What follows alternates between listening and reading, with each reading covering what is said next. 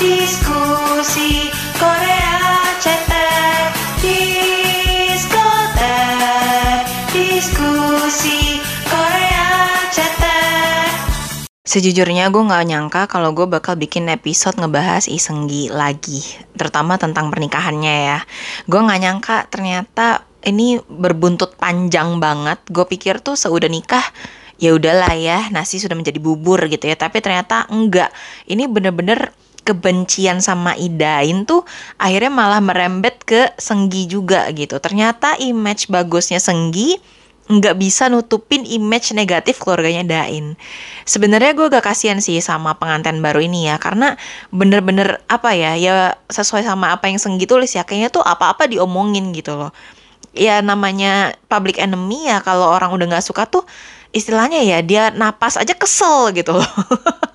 Dan mungkin ini buat Senggi tuh hal yang baru gitu ya karena dia selama hampir 20 tahun berkarya, eh dia nggak pernah dihujat, nggak pernah dirujak sama netizen gitu loh.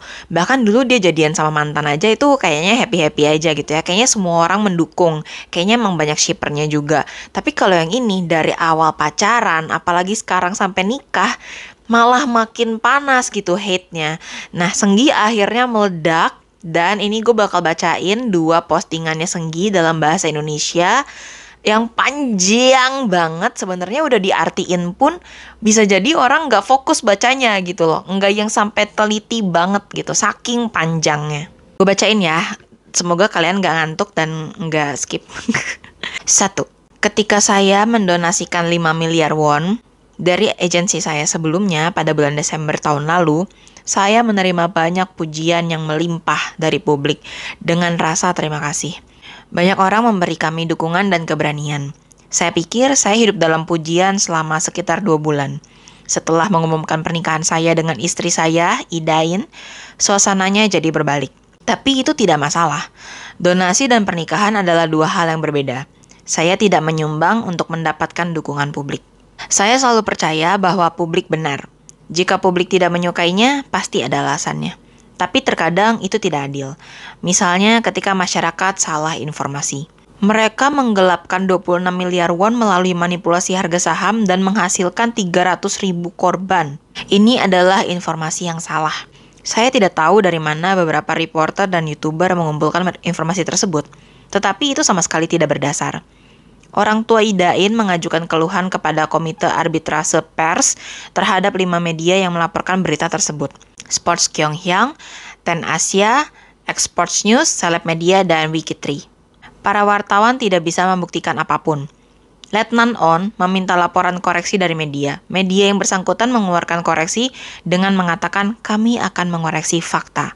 Terus informasi koreksi akan ditambahkan di bagian bawah artikel. Hari ini, tanggal 12, ada headline yang judulnya Kontroversi PPL Pernikahan Isenggi. PPL itu product placement ya, atau kayak endorsan lah gitu.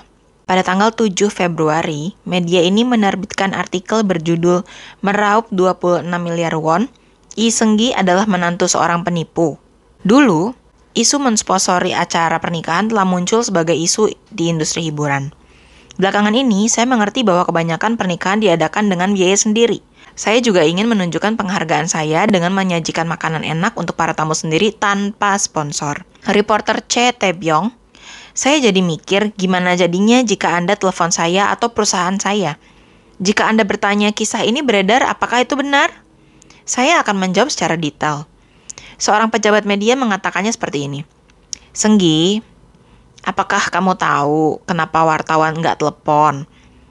Saya nggak akan bisa tulis artikel jika kontroversi itu tidak benar. Tapi kamu perlu menulis artikel kontroversi supaya banyak yang view. Itu sebabnya kami tidak telepon untuk menulis artikel. Kalau dipikir-pikir, saya tiba-tiba teringat sebuah artikel yang berbunyi. Isenggi tidak dapat mengelola krisis karena dia tidak memiliki manajemen yang tepat. Apakah Anda tidak menghubungi saya karena artikel itu? Reporter C, saya juga sekarang memiliki perusahaan baru. Ada juga seorang manajer yang telah bekerja dengan saya selama 10 tahun. Di masa mendatang, silahkan hubungi kami sebelum menulis artikel. Berbicara tentang manajemen, mengingatkan saya pada sebuah artikel yang dilaporkan oleh Ten Asia berjudul Lee Seung-gi tidak dapat mengatasi krisis. Ini bukan saatnya bermimpi untuk bulan madu. Artikel ini ditulis oleh reporter Woo Bin yang sangat mencintaiku. Pada saat itu, reporter tersebut berkata, yang paling dibutuhkan Isenggi saat ini bukanlah dukungan, tapi manajemen yang memberikan saran. Sebagai contoh, Anda mengutip Hook, yang menciptakan citra yang sangat baik dari murid Isenggi dan mantan ketua OSIS. Reporter, saya akan memberitahu Anda cerita yang menakutkan. Silahkan hubungi kami untuk penyelidikan lebih lanjut. Suatu hari, Direktur Hook menelpon saya, dan dia berkata, Reporter A dari majalah umum meliput ayah Idain. Jika itu menjadi sebuah artikel, itu akan menjadi masalah besar. Dan segera setelah itu, itu berhasil dengan baik. Saya memblokirnya dengan sangat keras, katanya dengan merendahkan. Tapi dunia ini sangat kecil. Saya mengetahuinya secara kebetulan setelah melewati reporter A dari majalah umum. Reporter A berkata, "Saya menemukan reporter untuk majalah umum dengan komentar di hook. Dia memberitahu saya sebuah anekdot. Saya terhubung dan bertanya apakah saya dapat berbicara dengan ayah Idain. Hook memanipulasiku seperti itu. Ini disebut hook lighting. Maksudnya harusnya kan biasanya gaslighting ya, tapi ini karena hook yang lakuin jadi hook lighting. Kemudian dia meminta hadiah yang tiba-tiba muncul. Mari undang mereka ke lantai 3 Louis Vuitton, tempat mereka menikmati kamcatang. Saya sudah beberapa kali meminta pembayaran atas nama hadiah seperti itu. Reporter Wubin, Anda berkata kepada PR agency tempat saya bekerja. Ini adalah kritik yang adil yang ditulis dengan kasih sayang untuk Senggi. Dan berkata, saya selalu terbuka, jadi silakan duduk dengan CEO I Senggi. Tapi jika artikel yang judulnya Menantu Menenangkan, Ibu Mertua Mengancam. Upacara pernikahan yang berlebihan dan desas-desus kehamilan pernikah. Citra Isenggi runtuh karena pernikahan adalah kritik bercampur kasih sayang. Saya kira saya masih banyak kekurangan. Itu pos pertama ya, capek juga. Lumayan panjang dan berbelit-belit sebenarnya ini gue udah berusaha supaya bahasanya mudah dipahami, semoga ngerti ya.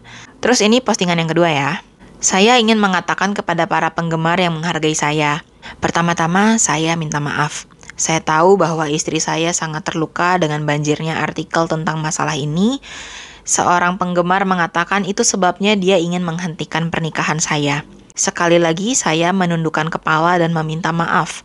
Bahkan, kenalan dekat saya merekomendasikan untuk putus dengan mengatakan, "Pikirin image kamu, itu membuat saya frustasi. Istri saya tidak memilih orang tuanya. Tapi bagaimana kamu bisa mengatakan bahwa kamu harus putus sama orang tua kamu? Saya berjanji kepada istri saya, Idain, sebelum dan sesudah menikah. Mulai sekarang, mari kita membayar kembali dan hidup bersama. Kami akan mengurus tempat-tempat yang membutuhkan pertolongan dan mengurus tempat-tempat yang lebih menyakitkan. Kami akan menjaga resolusi ini terlepas dari hate comment. Terakhir, banyak orang datang ke pesta pernikahan dan memberikan selamat kepada saya. Saya dengan tulus berterima kasih. Sambil memikirkan cara untuk membalas rasa terima kasih kami, kami sampai pada kesimpulan bahwa akan lebih bermakna jika kami menggunakan uang hadiah untuk anak-anak dalam keadaan sulit. Kami berencana menggunakan semua uang ucapan selamat dari Isenggi dan Idain sebagai dana dukungan untuk anak-anak dari keluarga yang tidak mampu. Saya hidup sebagai selebriti selama 20 tahun. Saya tidak pernah mengatakan sesuatu yang begitu emosional. Tentu saja akan ada orang-orang yang menangkap sesuatu di artikel ini. Artikel ini akan menjadi titik awal dan artikel berbahaya akan muncul lagi. Alasan mengapa saya berani melakukannya, dari rumor kencan hingga pernikahan hingga sekarang, lima hari setelah pernikahan, berita bercampur ejekan dan cemoohan membuat semuanya menjadi sangat sulit. Selain itu, saya terintimidasi dengan komentar buruk yang memberi kekuatan pada berita palsu. Saya tidak akan meminta Anda untuk memberkati pernikahan kami.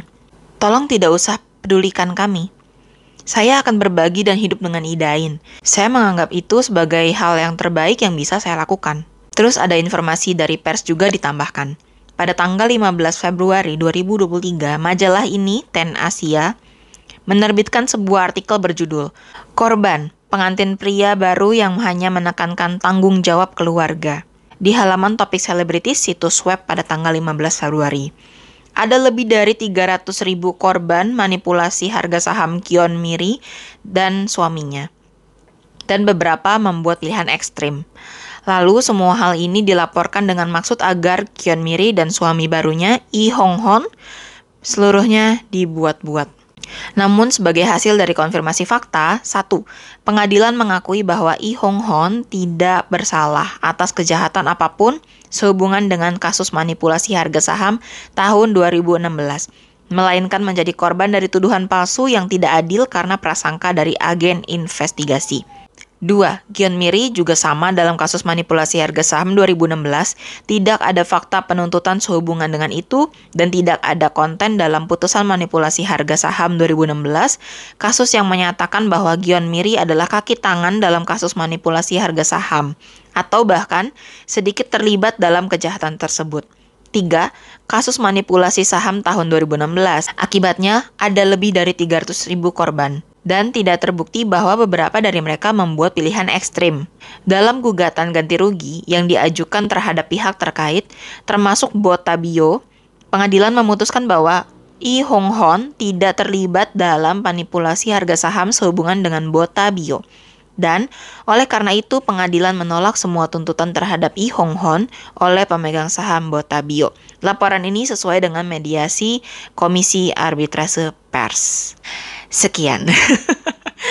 Panjang ya. Sebenarnya menurut gue sih Senggi itu mengklarifikasi masalah hubungannya kayak cuman sedikit, mungkin kayak 40%, tapi 60%-nya lebih ngebahas masalah penggelapan harga saham dari mertuanya gitu yang menurut gue sebenarnya Senggi juga ngelewatin batas ya karena dia aja baru jadi mantu kan belum sebulan ini gitu ya dan dia aja pacaran sama Ida ini tuh 2020 2021 iya kan sekitar tiga tahunan dan mungkin kenal sama keluarganya Idain pun ya sekitar segituan gitu. Sedangkan kasus penggelapan harga saham itu terjadinya 2016 dan kalau gue baca lagi itu sebelum 2016 pun ada lagi entah kalau nggak salah 2012 gitu ya. Pokoknya kena kasusnya dua kali nih si Hong Hon ini gitu Cuman kenapa Senggi sampai ngebelain segitunya gitu. Kalau dari kacamata publik yang ngerasa kayak udah deh mendingan lo diem aja gitu loh. Karena dengan nikah sama Idain aja image Senggi yang baik-baik tuh malah jadi runtuh gitu loh. Kadang tuh kan kita suka denger ya istilah orang baik sama orang bodoh tuh bedanya tipis gitu. Nah ini akhirnya Senggi tuh jadi kayak di situ gitu, kayak di garis itu. Dia tuh terlalu baik sampai akhirnya jadi terlalu naif gitu loh. Ya banyak yang jadinya ngungkit-ngungkit kayak ya mungkin dia selama ini 18 tahun dibohongin sama Hook ya karena dia juga gitu agak naif gitu ya. Jadi akhirnya si para kayak netizen ini jadinya berbelok gitu loh sama Isenggi yang tadinya kasihan apa gitu sekarang malah jadi kayak ya kayaknya emang lo orangnya naif deh sampai kayak kalau kasarnya mah kayak ya elunya juga bodoh mau aja dibohongin gitu loh. Udah gitu sekarang nikah sama keluarga yang jadi public enemy gitu. Karena kayak di podcast sebelumnya gue bilang ya, korbannya 300 ribu jiwa gitu loh. Dan itu kayak satu persennya dari penduduk Korea itu banyak banget. Dan emang banyak yang akhirnya ya ketok-ketok bundir ya gitu. Jadi makanya nih kasusnya gede banget dan menurut gue lebih baik Senggi tuh nggak usah ikut campur di masalah itu gitu. Dia belain istrinya, gue bangga banget. Gue salut sama Senggi yang berani ngomong kayak gini dan ngebelain istrinya. Kayak kesannya gue nggak peduli background di keluarga dia apa. Gue cinta sama dia, gue nikahin dia gitu loh. Dan istilahnya ya sampai Senggi bilang dia nggak bisa pilih orang tuanya. Sampai situ gue salut karena dia ngerasa kayak oh ya mungkin orang tuanya aja yang kayak gitu, dainnya enggak gitu. Tapi makin ke bawah-bawah-bawah dia malah mengklarifikasi kasusnya mertuanya gitu. Yang which is menurut gua, menurut gua ya nggak tahu sebenarnya. Mungkin dia juga nggak terlalu tahu gitu loh masalahnya apa.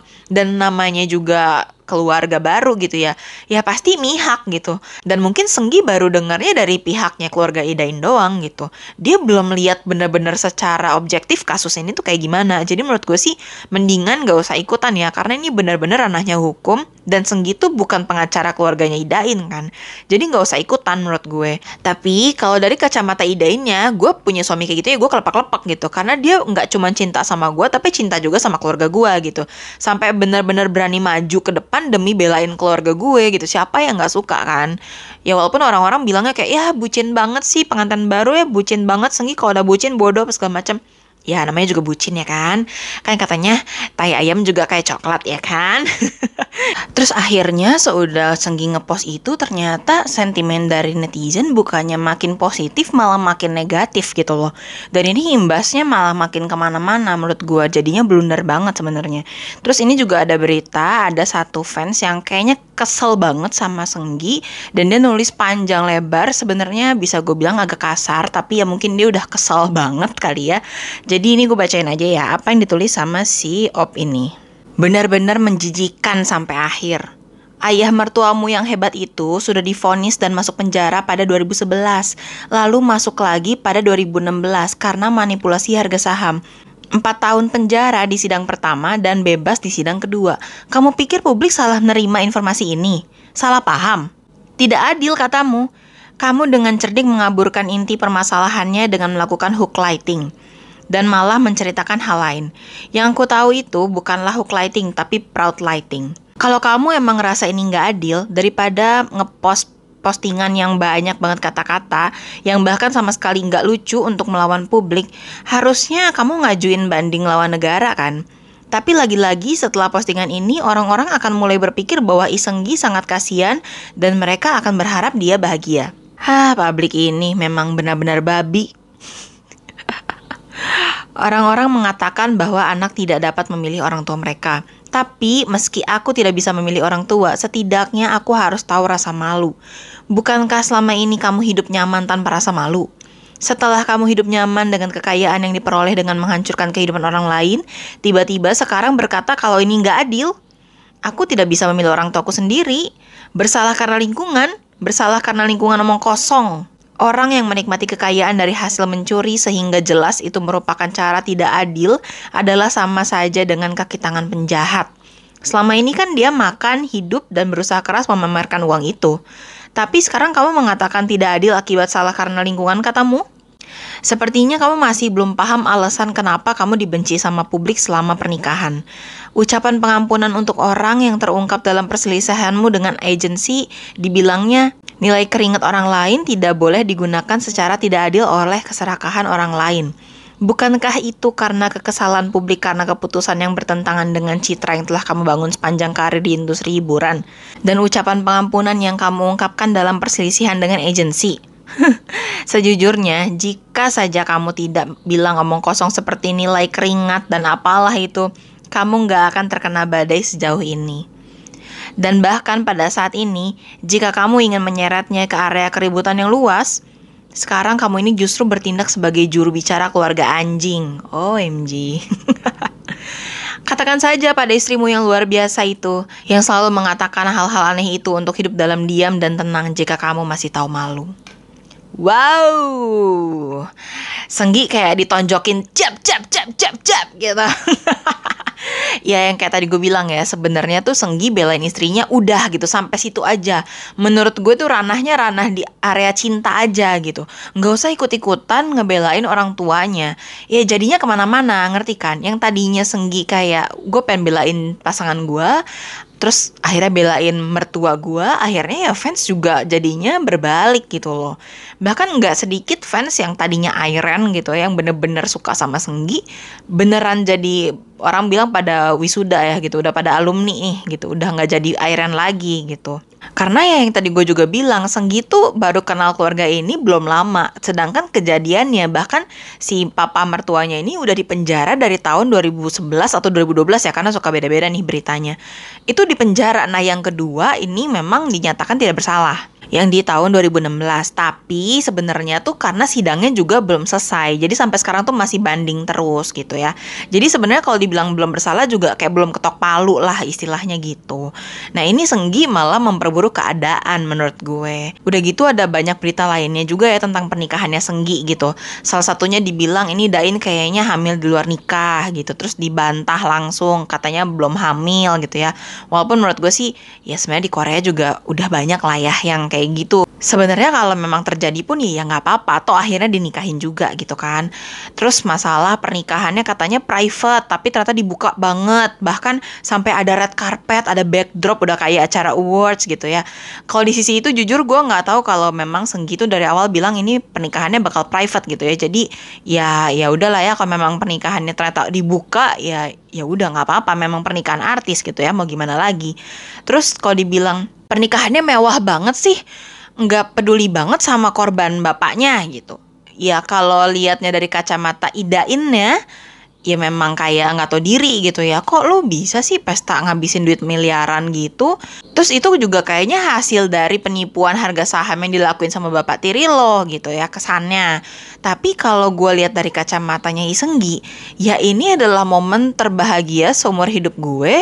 Gue mau melakukan yang terbaik untuk hari ini gitu melakukan yang terbaik buat istri gue gue beliin baju yang bagus mahkota yang besar gitu. Gue beliin makanan buat para tamu yang proporsinya jutaan gitu. Karena gue pengen ini di hari bahagia gue yang sekali seumur hidup mudah-mudahan itu ya benar-benar jadi the best day of my life gitu loh. Dan buat Senggi yang biasa nyumbang ke rumah sakit ke panti asuhan segala macam gitu ya biasanya dia nyumbang aja bisa miliaran gitu. Nah buat pernikahannya sendiri kenapa nggak bisa gitu loh.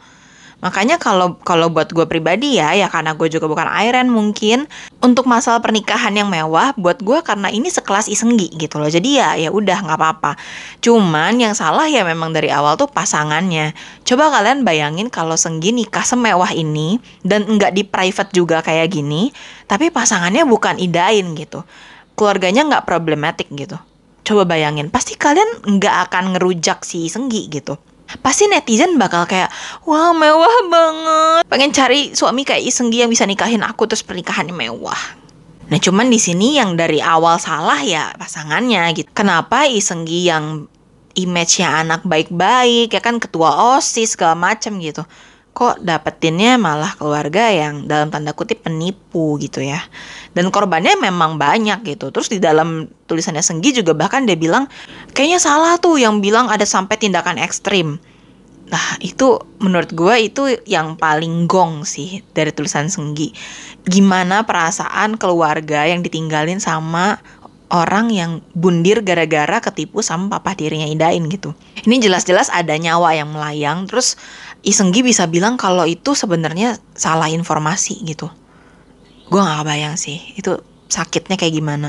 Menurut gue Isenggi nggak usah masuk ke ranah itu gitu. Bahkan ya yang terakhir berita yang gue dapat itu yang masalah Idain ganti nama lebih dari lima kali. Itu menurut gue lucu gitu loh. Sampai hal kayak gitu aja tuh dirujak sama netizen beneran deh. Itu kayak gue baca-baca ya awalnya Idain itu pakai nama depannya Im tapi bukan Dain sih belakangnya. Karena ngikut nama papa kandungnya. Terus pas cerai dia ngikut nama mamahnya. Ganti nama depannya jadi Gion. Terus mamahnya nikah sama I Hong Hon ganti lagi nama depannya jadi I. Tapi nggak langsung idain gitu. Sebelumnya ada macam-macam. Cuman gue nggak tahu kenapa ini juga harus dirujak gitu loh. Apakah ini ada sangkut pautnya sama misalnya dengan dia ganti-ganti nama dia punya banyak nomor rekening buat money laundry misalnya gitu ya apakah kayak gitu gitu? Kalau misalnya nggak ada tujuan maksud yang nggak baik ya menurut gue sih ya nggak apa-apa kali ya orang ganti-ganti nama. Karena sebenarnya di Korea juga orang percaya loh dengan keberuntungan dari nama. Ya siapa tahu aja ternyata dia udah ganti eh namanya nggak bagus ganti lagi eh namanya nggak beruntung ganti lagi. Ya mungkin paling beruntung namanya Idain ya. Terbukti dia dapetin suami kayak Isenggi gitu. Yang rela menghancurkan karirnya demi belain dia dan keluarganya gitu beset beset. Ini tuh ya emang yang namanya orang udah benci tuh ya. Yang gue tadi bilang di awal gitu napas aja kesel gitu bawaannya. Gue yakin nih ya idain lagi di restoran tiba-tiba dia batuk kesel pasti orang meja sebelahnya tuh kesel kayak pan sih batuk segala? gitu. Padahal batuk normal gitu ya. Itu pengalaman gue sendiri sih gue pernah kesel banget sama orang sampai dia batuk aja gue kesel gitu loh. Gue benci banget dia batuk. Kayak ganggu gitu. Ya Tuhan bisa sampai segitunya ya. Ya mungkin itu yang dirasain sama warga Korea ke Idain dan keluarga gitu ya Sampai juga berita yang bulan madunya pun itu dirujak sama netizen gitu loh. Cuman perkara karena Senggi bilang dia itu nggak akan bulan madu tapi dia pergi ke Singapura. Terus bilangnya pasti Singapura dia tuh bisnis trip. Terus ada yang komen, uh, Cornet nih yang komen. Dia tanyanya kayak gini, bukannya jalan-jalan seudah pernikahan itu disebut bulan madu? ya mungkin beda konteks aja ya, beda kegiatan aja kali ya. Kalau bisnis trip ya ngurusin bisnis gitu. Kalau bulan madu ya ya hani-hanian gitu. ya mungkin beda konteks dan mungkin buat Senggi ya ini bukan honeymoon gue gitu. Honeymoon gue nanti akan lebih wow lagi ya mungkin gitu. Cuman perkara kayak gitu juga dibahas banget gitu ya, dimasalahin banget. Terus ada juga yang komen juga nih Cornet dia bilang katanya private. Kok kayaknya gue tahu banget segala seluk beluk tentang pernikahannya ya, sampai rencana bulan madu segala gitu. ya gimana dong? Ya mungkin anda bertanya saya menjawab kali ya, mungkin buat senggi. Jadi mau ditanya apa ya udah gue jawab aja kali.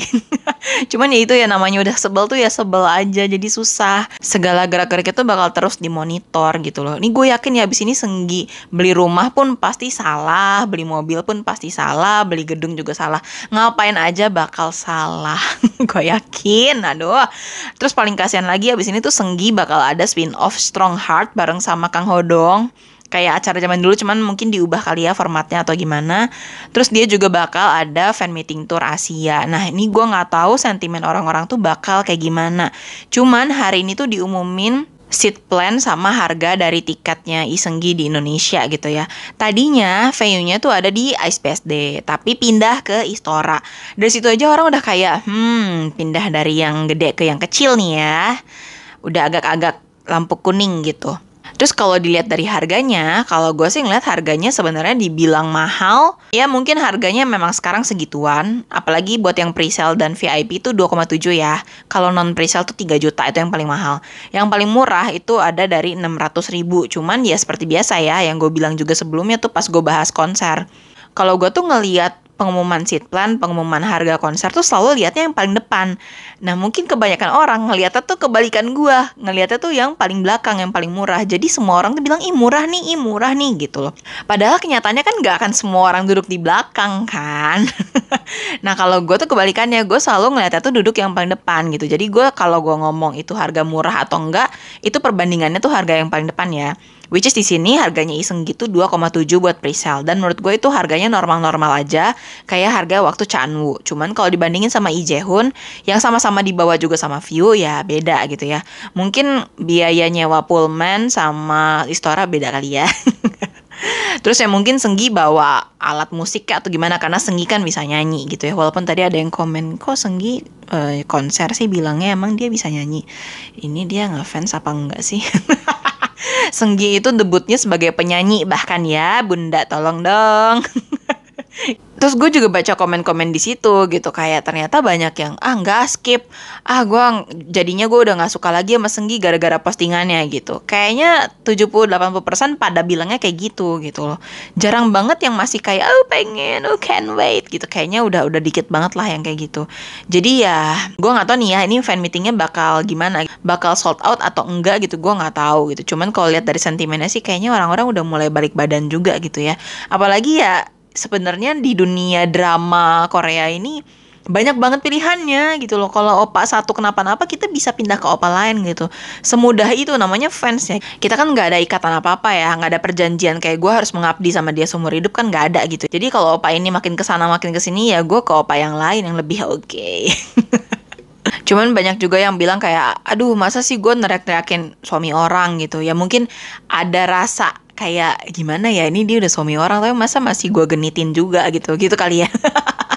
Cuman gue nggak tahu kalau di negara lain bakal kayak gimana bakal sold out apa enggak bakal banyak fans yang jadi alumni kayak di sini apa enggak. Cuman gue lumayan kaget sih pas baca loh ternyata sentimen orang-orang di Indonesia berubah juga ya. Biasanya kan kalau di kita tuh lumayan kebal gitu ya. Kayak waktu masalah Sengri aja masih banyak fans Sengri yang belain mati-matian gitu loh. Jadi gue pikir mungkin fansnya Senggi juga sama gitu. Apalagi sebenarnya bisa dibilang ya bukan Senggi kriminalnya gitu tapi ya salahnya Senggi kenapa dia belain kriminal gitu aja sih bahkan kalau kata Korea Romit nih orang Korea itu sebelnya sama Senggi itu ya karena Senggi tuh bilang Idain itu nggak bisa milih orang tuanya Tapi netizen Korea tuh benci banget sama Isenggi karena lo udah tahu Ida ini tuh orang tuanya kayak gitu dan lo tetap pilih dia.